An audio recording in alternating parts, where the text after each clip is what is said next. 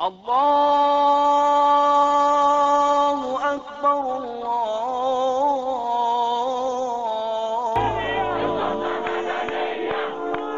Despite the ruling party's devotion to Islam, Turkey has not and will not impose any kind of Sharia law and become Saudi Arabia anytime soon. Just as your missiles continue to strike our people, our knife will continue to strike the necks of your people. Can definitely reconciliate Islam and democracy. Välkommen till det nya Mellanöstern. I det här avsnittet ska vi ta oss an begreppet islamism och förhoppningsvis få en mer heltäckande bild än vad medierna brukar förmedla. Mm, till vår hjälp har vi såväl unga islamister som ledande experter på området. Ja, det råder ingen tvekan om att islamister successivt har fått ett allt större inflytande runt om i Mellanöstern. Och det är en utveckling som kan vara svår att förstå. Inte minst när medierna nästan dagligen rapporterar om hur Islamiska staten eller Isis expanderar i Mellanöstern. Ja, med sin våldsamma tolkning av religionen väcker deras framfart viktiga frågor om islamism. Men det finns väl också en annan typ av islamism? Ja, om vi ser på Tunisien så är utvecklingen en helt annan. Där har moderata islamister deltagit i den parlamentariska processen, vunnit och förlorat val. Och senare i programmet kommer vi också träffa en ung representant från Ennahda, som är det ledande islamistiska partiet där. Ett annat exempel är Turkiet där AKP-partiet regerar sedan ett decennium tillbaka. Ja, men det är ändå i första hand extrema grupper som får stort medieutrymme, vilket spär på en allt mer negativ bild av islam och muslimer i västvärlden. Även moderata islamister betalar ett högt pris när extremister genomför våldsdåd i religionens namn. Mm. Så vad innebär då egentligen islamism, eller politisk islam som det också kallas? Finns det en enhetlig tolkning eller ryms här en mängd olika inriktningar och aktörer? Och hur är det med Isis? Kan de ens kallas islamister? IS kan vi ju säga har radikaliserats till den graden då de helt enkelt faller utanför skalan eller den breddar den ytterligare kan vi säga om vi kan överhuvudtaget prata om dem som islamister. De allra flesta, även al-Qaida som är ju en extrem organisation, förkastar ju IS som, som väldigt våldsamma och irrationellt våldsamma i sammanhanget eftersom de främjar inte på något sätt den ideologiska grunden som de kanske delar. Va? Så säger Emin Poljarevic, expert på islamistiska rörelser. Men låt oss nu lite mer på djupet undersöka vad begreppet egentligen står för och det är i sig ingen enkel uppgift. Mattias Gardell, professor i religionshistoria i Uppsala, ger den här beskrivningen. Islamism var ju en benämning som vi inom forskarsamhället försökte använda om varje form av politisk filosofi som hänvisar till islam. Alltså en väldigt bred term som omfattar hela spektrat från de mest konservativa, enväldiga, diktatoriska monarkier i, på Gulf, i Gulfen över någon slags eh, islamdemokratisk mistfåra som är ganska lik vår kristdemokrati kanske till marxistiska muslimska grupper som är ganska lik befrielseteologin. Så att det finns ju en, en mångfald av olika sätt man kan vara på. Idag så har islamism kommit att användas som någon slags synonym för det man förut kallade islamiska fundamentalister eller något sånt där. Som i sig också är en miljö som är väldigt mångfacetterad. Det finns väldigt många olika sätt du kan vara islamist på. Sami Egyptsson kompletterar Mattias Gardells beskrivning av politisk islam på det här sättet. Religionen islam ska genomsyra samhället. De anser att profetens tradition, om vi kan kalla det sunna, innehåller sociala normer, moraliska, ekonomiska, politiska. De menar att i Koranen och Sunna finns idéer som kan styra ett samhälle. Att det trots allt råder en viss förvirring kring begreppet är tydligt i de traditionella medierna. Den 25 oktober 2011 publicerade Svenska Dagbladet en artikel där det står att islamister får en tung roll i Tunisien efter de fria valen. Då syftar man på det moderata islamistpartiet Ennahda. Och den 25 april 2015 rapporterar samma tidning om hur islamister intagit en stad i den syriska provinsen Idlib. Men då handlar det om en grupp som är allierad med al-Qaida. Det demokratiskt folkvalda islamistpartiet Ennahda går alltså under samma benämning som terroristnätverket al-Qaida. Emin Poljarevic menar att mediernas förståelse för islamismen är mycket begränsad. Man läser ju amerikanska tidningar och engelska tidningar och framförallt svenska då, så är det självklart att det är mycket skevt och begränsat. Jag menar, de engelska tidningarna dock har blivit lite bättre, de har blivit mer nyanserade och försöker erbjuda en slags bredare bild av det hela. Men överlag så kan jag säga att, att svenska medierna är väldigt eh, outbildade när det gäller regionen överlag. Jag Menar, de försöker, alla de här utrikeskorrespondenterna, de försöker göra jobbet att, att, att helt enkelt förklara komplexiteten. Men, men det, det är otillräckligt. يا رمضان عدت إلينا بالأنوار تحمل معك البشرى ليل نهار لتذكرنا فعل البر وحب الناس För att förstå den komplexitet som Emin Poljarevich talar om måste vi gå tillbaka till slutet av 1800-talet. Ja, då vände sig muslimska tänkare mot kolonialmakternas inflytande i Mellanöstern och menade att det behövdes en pånyttfödelse av det islamiska medvetandet. En av de personer som inspirerades av detta var den egyptiske läraren Hassan Abana.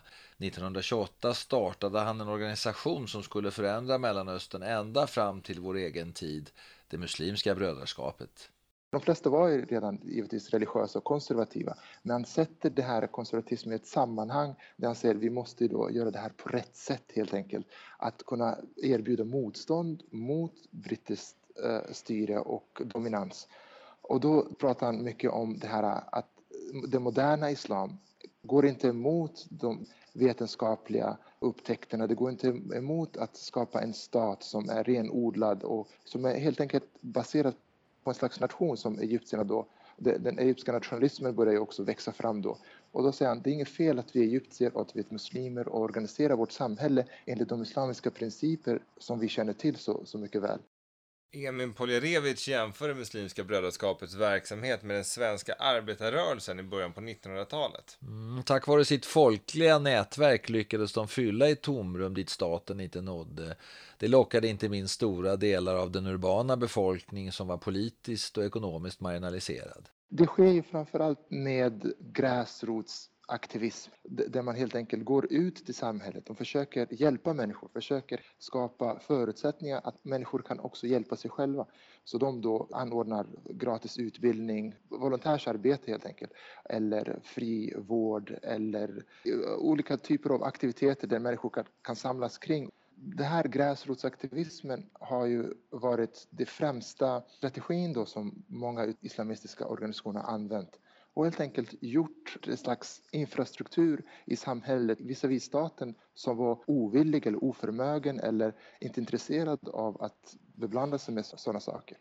Muslimska brödraskapet hade alltså förmågan att etablera sig inom olika samhällsskikt. Det resulterade i att såväl monarkier som sekulära nationalistiska diktaturer i regionen försökte hålla brödraskapet och andra islamister borta från den politiska makten. Sådana här exempel har vi i Egypten, i Syrien och med många andra länder där islamistiska rörelser har varit starka och eh, statsmakternas svar på det här har varit väldigt svår och utbrett förtryck, vilket i sin tur har påverkat hela samhällsutvecklingen åt ett väldigt negativt håll. Mohammad Fazl är professor i islamisk teologi och filosofi.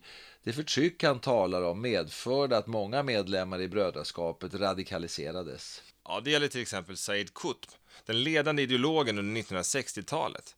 Han skulle komma att bli en inspirationskälla för radikala islamister, till exempel al-Qaida. Sami Egyptsson.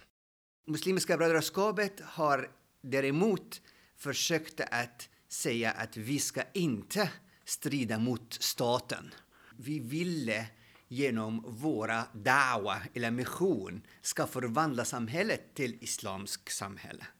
Medan jihadisterna eller de som vi kallar Qaida eller vi kallar IS eller Nusra eller alla de, de ville komma till målet genom att snappa på utvecklingen genom att använda våldet. Under 1900-talets andra hälft fick islamismen en kraftig skjuts framåt.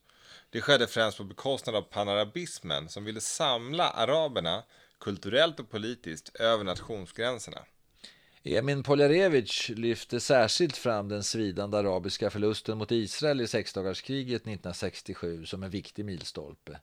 Kriget 67 skiftar någon slags balans från panarabismen och den extrema nationalismen som har präglat regionen till eh, islamism som då ses som ett slags ett alternativ rent ideologiskt och hur man ska då kunna samla massorna.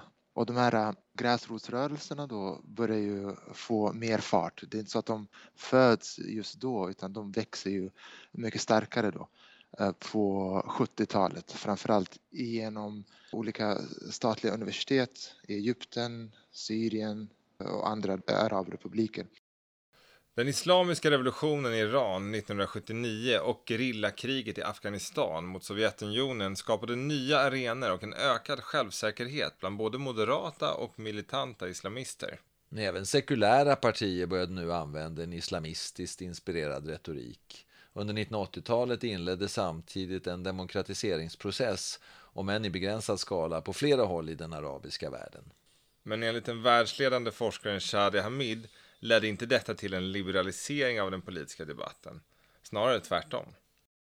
In Egypt in the mid 1980s, we again see this nearly obsessive focus on Sharia law.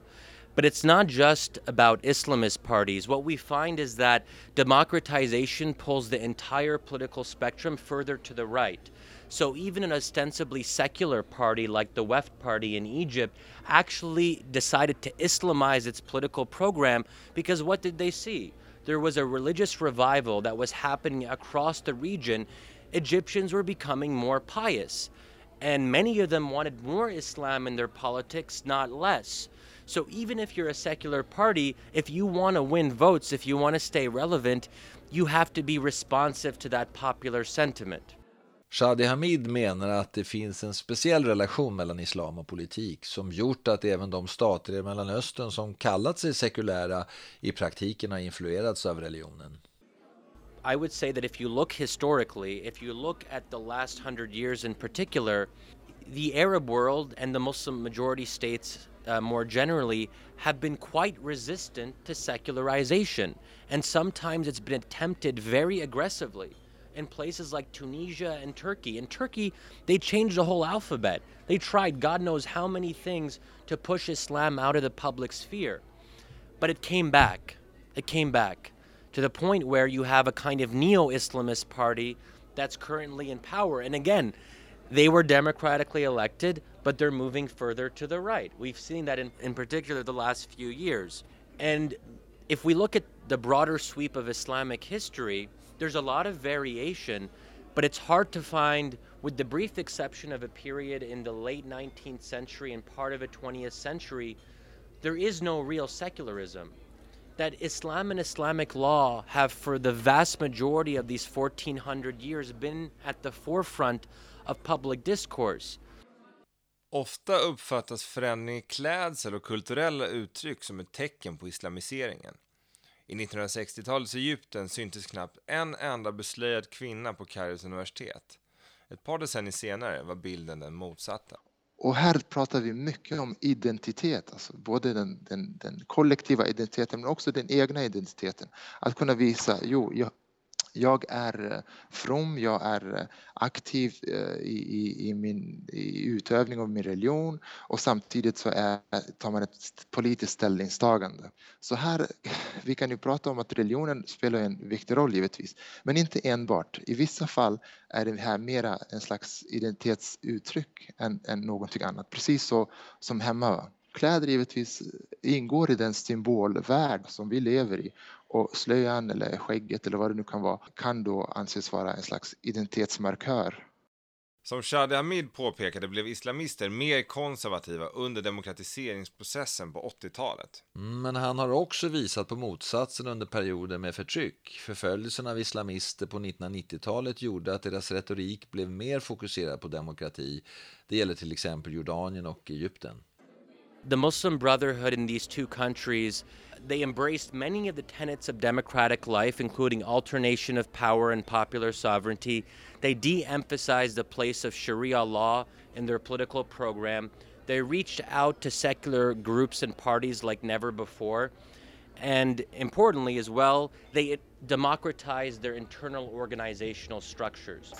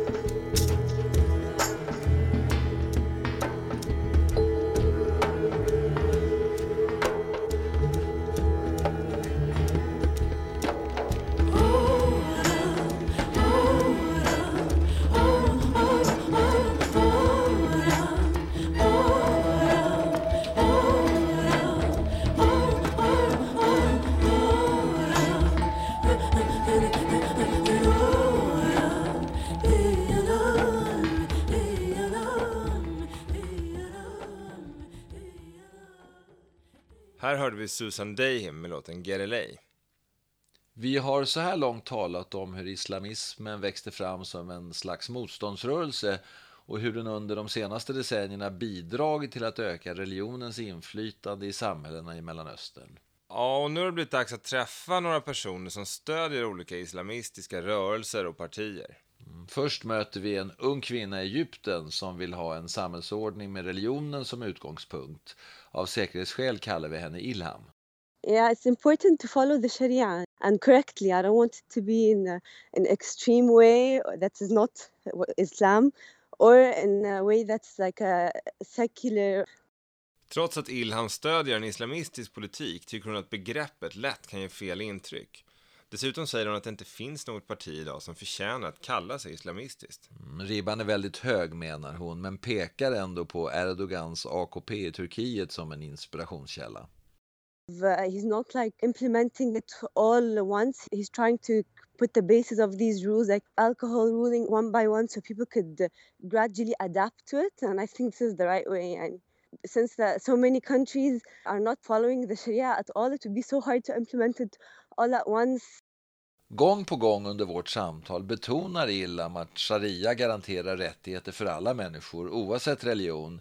Minoriteter behöver inte oroa sig. Men Samuel Egyptsson är skeptisk. Han säger att alla islamister har ett och samma slutmål, även om de tvingas anpassa sig till miljön. Mm, som exempel nämner han Rashid Ghanouchi, ledaren av det tunisiska Ennahda-partiet. Tunisien har styrt under Bourguiba och Ben Ali i många, många år med sekulär system som gör att kvinnorna har mer makt än någon annat land i arabvärlden. Det finns också institutionella samhälle som inte kan tillåta att en imam kan styra landet hur den vill. Så att man kan säga så här att man ska försöka anpassa sig till samhället så att kunna nå målet. Men målet är för, för dem att styra samhället med islamiska normer som finns i Koranen och hadisen. Men Mohammad Fazl Hashemi har en annan syn på saken och menar att målet faktiskt skiljer sig åt mellan olika islamistiska grupper. Ja, så här säger han.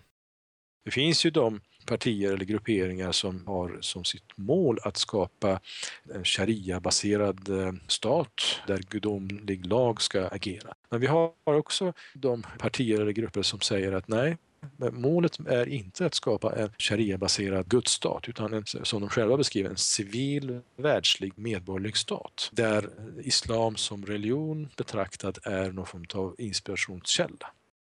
En representant för den senare synen är Idris, en ung anhängare av det islamistiska regeringspartiet PJD i Marocko. I joined mainly because they're not corrupt and even like the New York Times I remember in 2011 in the wake of the elections they said that they're the most democratic party in Morocco in terms of internal elections. Idris representerar den islamism som finns i Nordafrika, en väsentligt mjukare form jämfört med till exempel i Gulfstaterna där en mer konservativ inriktning dominerar. Det gäller ju inte minst Saudiarabien. Så här säger Mattias Gardell. Det är ju märkligt kan man tycka att, att Saudiarabien har en sån eh, privilegierad roll för många västerländska stater. Eh, nära allierad med Amerikas förenta stater. Var under en tid det land som vi skulle bygga vapenfabriker åt i Sverige. Och, och så, så, så, att här har ju vi lierat oss med väldigt konservativa krafter inom politisk islam. Även om den politiska islam som praktiseras i Saudiarabien är avsevärt mer konservativ än i Marocko är Idris ändå kritisk mot sitt eget parti för att man inte står upp tillräckligt för till exempel kvinnors rättigheter. Ja, och hur har det visat sig då? Jo, som när PJD röstade mot ett förslag om kvinnans lika rätt till arv. Idris menar att det var fel och påpekar att kvinnor ofta kämpar hårt medan mannen sitter på café. Dessutom pekar han på imamer som faktiskt redan tolkat Koranen på ett sätt som innebär att kvinnan och mannen har samma rättigheter och bör ärva lika mycket. Recently, we had some parliamentarians from the oppositions who wanted to advance a law about making equal inheritance between men and women. The PGD was one of those parties who said no, even though like most parties were against this. So they said no because it's written in the Quran. But I was personally against it because it's story of interpretation. It's how you see, you know, how the Quran says. I know some imams in Morocco who gave uh, equal inheritance to men and women because they saw that, for example, the man was always staying, you know, chilling, spending his time in cafes and things like that, while his wife was working most of the time. Även om Idris säger att han tror på pluralism och mänskliga rättigheter ser han vissa svårigheter med att gå för snabbt fram. Han förespråkar istället en gradvis utveckling i linje med vad den marockanske kungen representerar. Hans tanke är alltså att landets befolkning inte är tillräckligt medvetna och utbildade för att hantera en omfattande liberalisering. Det skulle bara leda till kaos och uppror. Illiteracy rate in Morocco is around 50%. you know, I'm a Muslim and I'm very rooted in Islam, but I do understand those those things. You know, I'm pro women rights and things like that. But it's it, it's not just coming like that in one day and saying we need to change it. You need to first educate the people, otherwise they won't understand and they will be against it.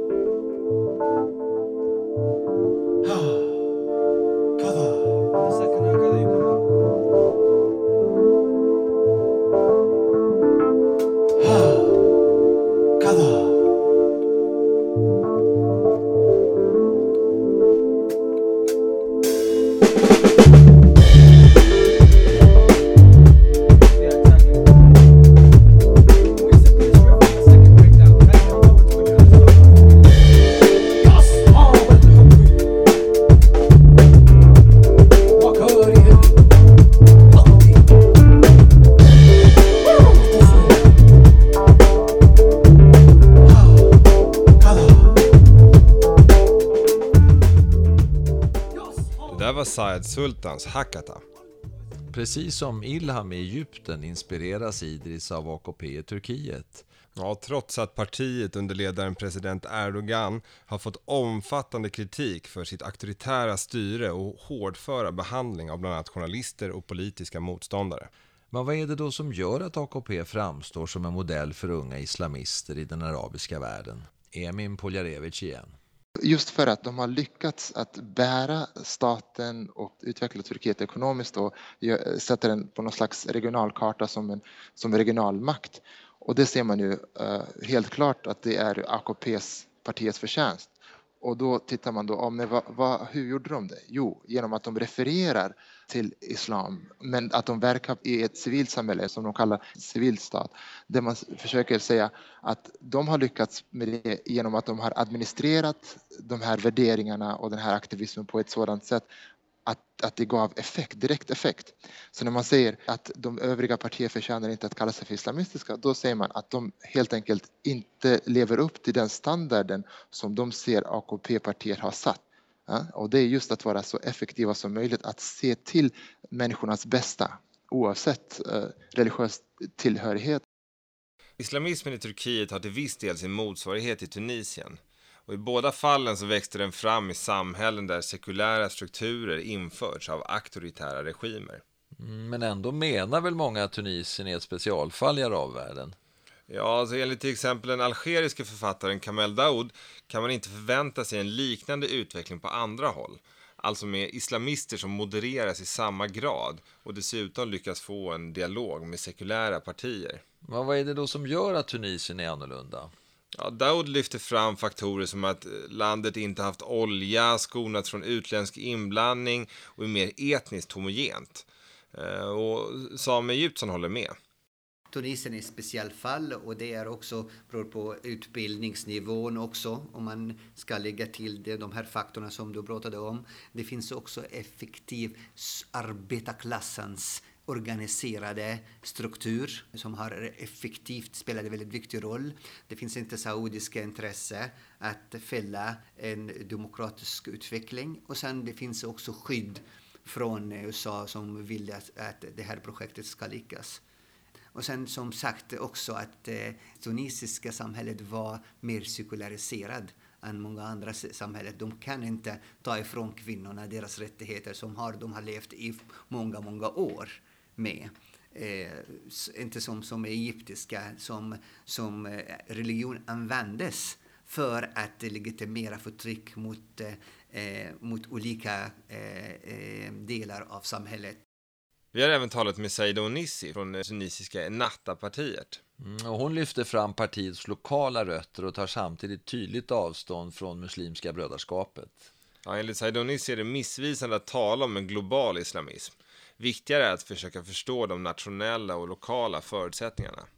What Ennahda is doing is to proving that we must consider uh, political parties as being local phenomenon and local products and not to look at political Islam as something international or regional because I think this is part of the discourse which want to link political Islam with all these ideas of invasion of you know like taking over of uh, monopolization you know.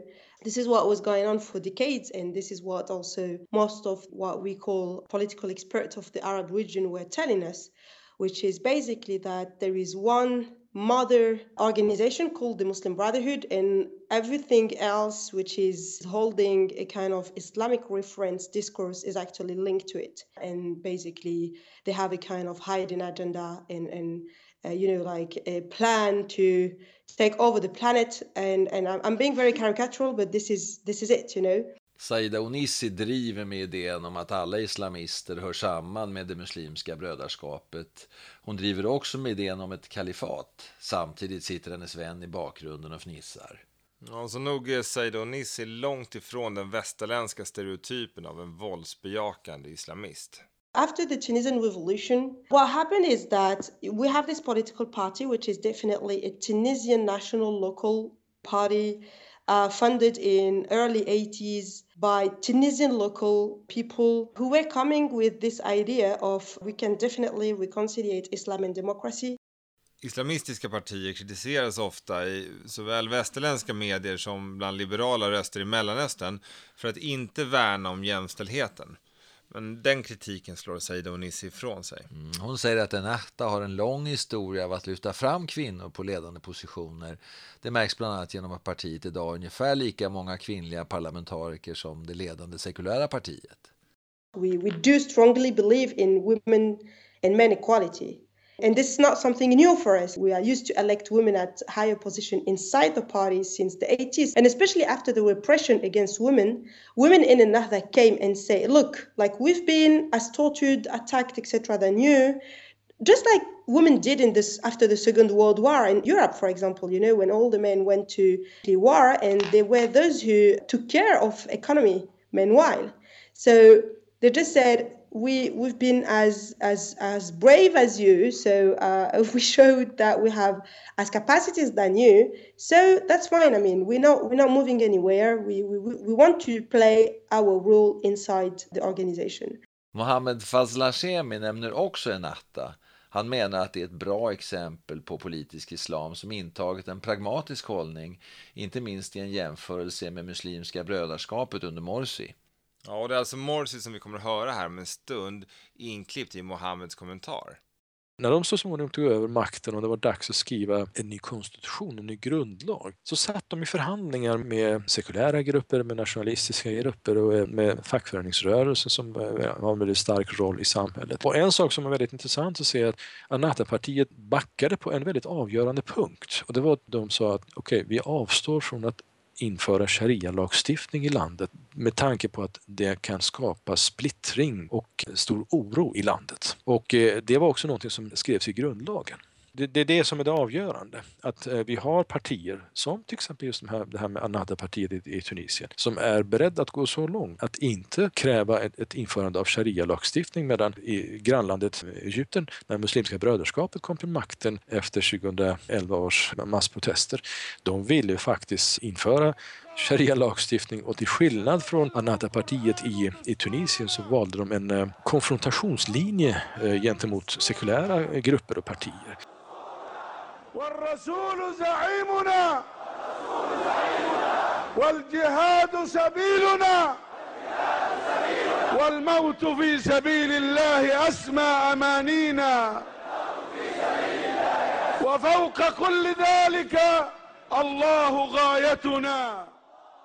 Medan i Tunisien valde man en form av konsensuslinje. Och det är det som vi har sett har resulterat i att till exempel Nobel, eh, Freds Nobelspris går just till de som har varit med och liksom eh, bäddat för den här konsensuslinjen i Tunisien. Vad kan vi då dra för slutsatser från intervjuerna med de unga islamisterna? En intressant iakttagelse är att Idris ser framför sig en gradvis förändring mot ökad jämlikhet och pluralism. Ja, Ilhan pratar också om rättigheter, men hon har ett tydligare fokus på hur man i praktiken använder islamisk lära i samhällslivet med ökad islamisering som mål. Ja, hon tar ju till exempel upp att man på sikt borde förbjuda alkohol. Så finns det överhuvudtaget en islamism att prata om undrar man då? För Emin Poljarevic är det viktigt att påtala mångfalden. Här ger han en regional utblick. Jag tror att fragmenteringen och utvecklingen utav det här spektrumet kommer att fortsätta och det blir ju ännu bredare så att vi kan egentligen inte tala längre om renodlade islamistiska partier utan en slags socialkonservativa eller konservativa partier som, som grundar sig i en slags islamisk tradition i varje land. Men så som det ser ut i Algeriet och i Egypten, för att inte tala om andra krigsdrabbade länder då, som Libyen, och Syrien och Jemen, så kan vi se att islamisterna där kommer att nog eh, ta lärdom från just Marocko och Tunisien och se att det finns en process här som måste vara gradvis så att man kommer att försöka jobba ännu mera med gräsrötterna, att bygga upp någon slags opposition som är inställd på att det här kommer ta tid att uppnå sina politiska mål.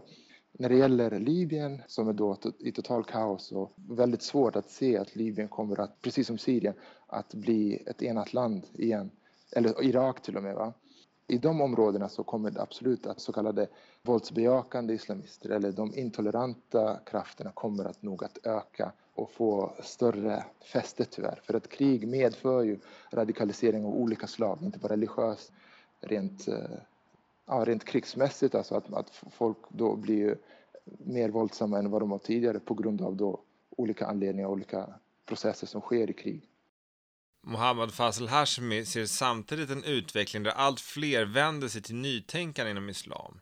Alltså de som vill harmonisera islamsk lära med det moderna samhället.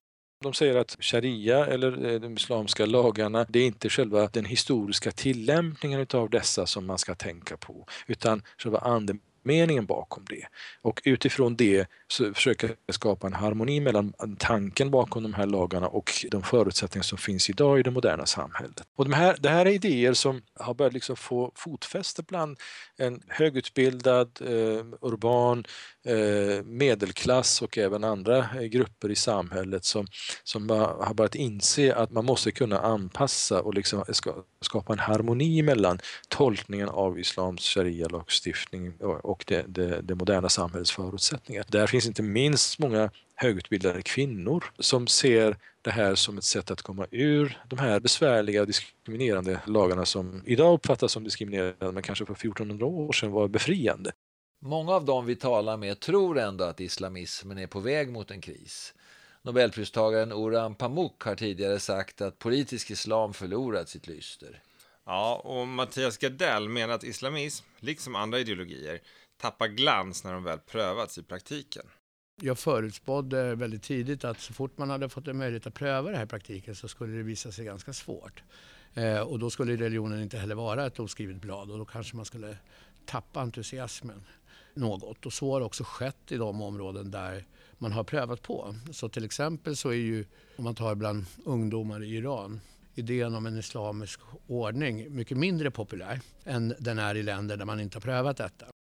Mohammad Fazl Hashemi tror även att de mest extrema grupperna på sikt kommer att tappa sympatier. Med tanke på hur det inflytande som de eh, terrorsekter som IS och kompani har haft så tror jag att allt fler börjar liksom omvärdera den här synen på huruvida den här bokstavstrogna tolkningen av islam eh, är någonting att, att följa efter. Så att jag tror att just den destruktiva kraft som eh, IS, al-Qaida eller andra terrorgrupper har, har visat, den är ju väldigt avskräckande för många muslimer. Så att det kan faktiskt bidra till att den här omvärderingsprocessen kommer igång, eller accelererar rättare sagt. Men sen måste man också ha väldigt klart för sig att rätt många människor i de här regionerna har det här med den religiösa identiteten som en del av sin identitet. Att kräva att de ska helt liksom lägga det här åt sidan, det tror jag inte är realistisk inom eh, överskådlig framtid. Men att man börjar omvärdera sitt förhållningssätt till de här mer extrema formerna utav Eh, det som vi kallar för internationell islamism det är en process som har kommit igång och det ser vi till exempel att eh, opinionsundersökningarna som har gjorts, när man ställer frågor om hur man ser på eh, terrorgrupper som IS så är det en överväldigande majoritet i inte minst sunnidominerade områden. Vi talar inte om shia-dominerade som är ett mål för, för IS terrorhandlingar. Där, är det, där tar man avstånd ifrån det. Det är nyanser och kontraster som inte alltid tydliggörs i medierna. Minns bara vårt exempel om Svenska Dagbladets artiklar i början av det här avsnittet det, det, det är problematiskt det är så som jag ser det eftersom Nahda eh, och kanske AK-partiet i Turkiet och så vidare som verkar inom den parlamentariska politiken så delar de kanske en vision om att samhället skulle vara mer islamiskt. Men där slutar likheterna för att Isis vill ju på helt andra sätt etablera ett mycket mer strikt samhälle, ett mycket mer styrt samhälle, mycket mer repressivt samhälle. De allra flesta grupperna, inkluderande då den största islamistiska gruppen, Muslimska brödraskapet, förkastar ju helt och hållet den idén att man skulle då på ett repressivt sätt etablera ett islamiskt samhälle. Ja, det blir dags att avrunda. Mm, för det första har vi försökt beskriva rötterna bakom islamismens framgångar och motgångar under 1900-talet fram till vår egen tid. Ja, det är tydligt att Mellanöstern är en fragmenterad plats där staten inte lyckas särskilt väl med att skapa välstånd och värna om medborgarnas rättigheter. Och i det tomrum som uppstår fyller islamisterna ett behov samtidigt som de skyddar den kulturella och religiösa identiteten. Och så kommer det förmodligen att vara inom en överskådlig framtid. Och vi avslutar det här avsnittet med att lyssna till Ilham igen. Hon väljer nämligen att peka på det som för oss samman, som förenar kulturer över landsgränserna. Tack för att du har lyssnat. Yeah, of course, there are values with European uh, societies or Christian societies, but there are a lot of common things. And I think if also people stop and look at that, they'll see how we're connected or how we can actually help each other or live with each other.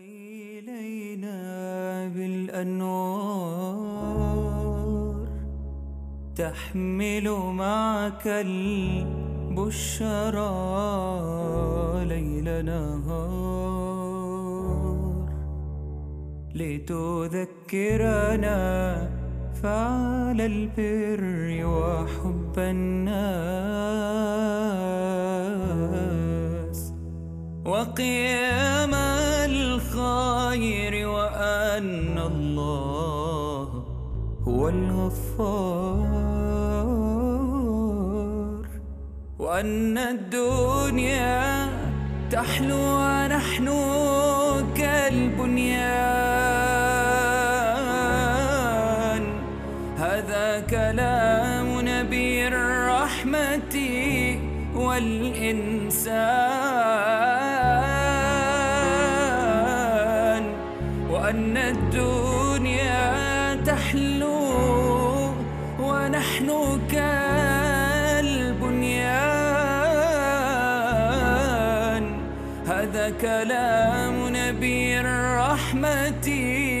والإنسان.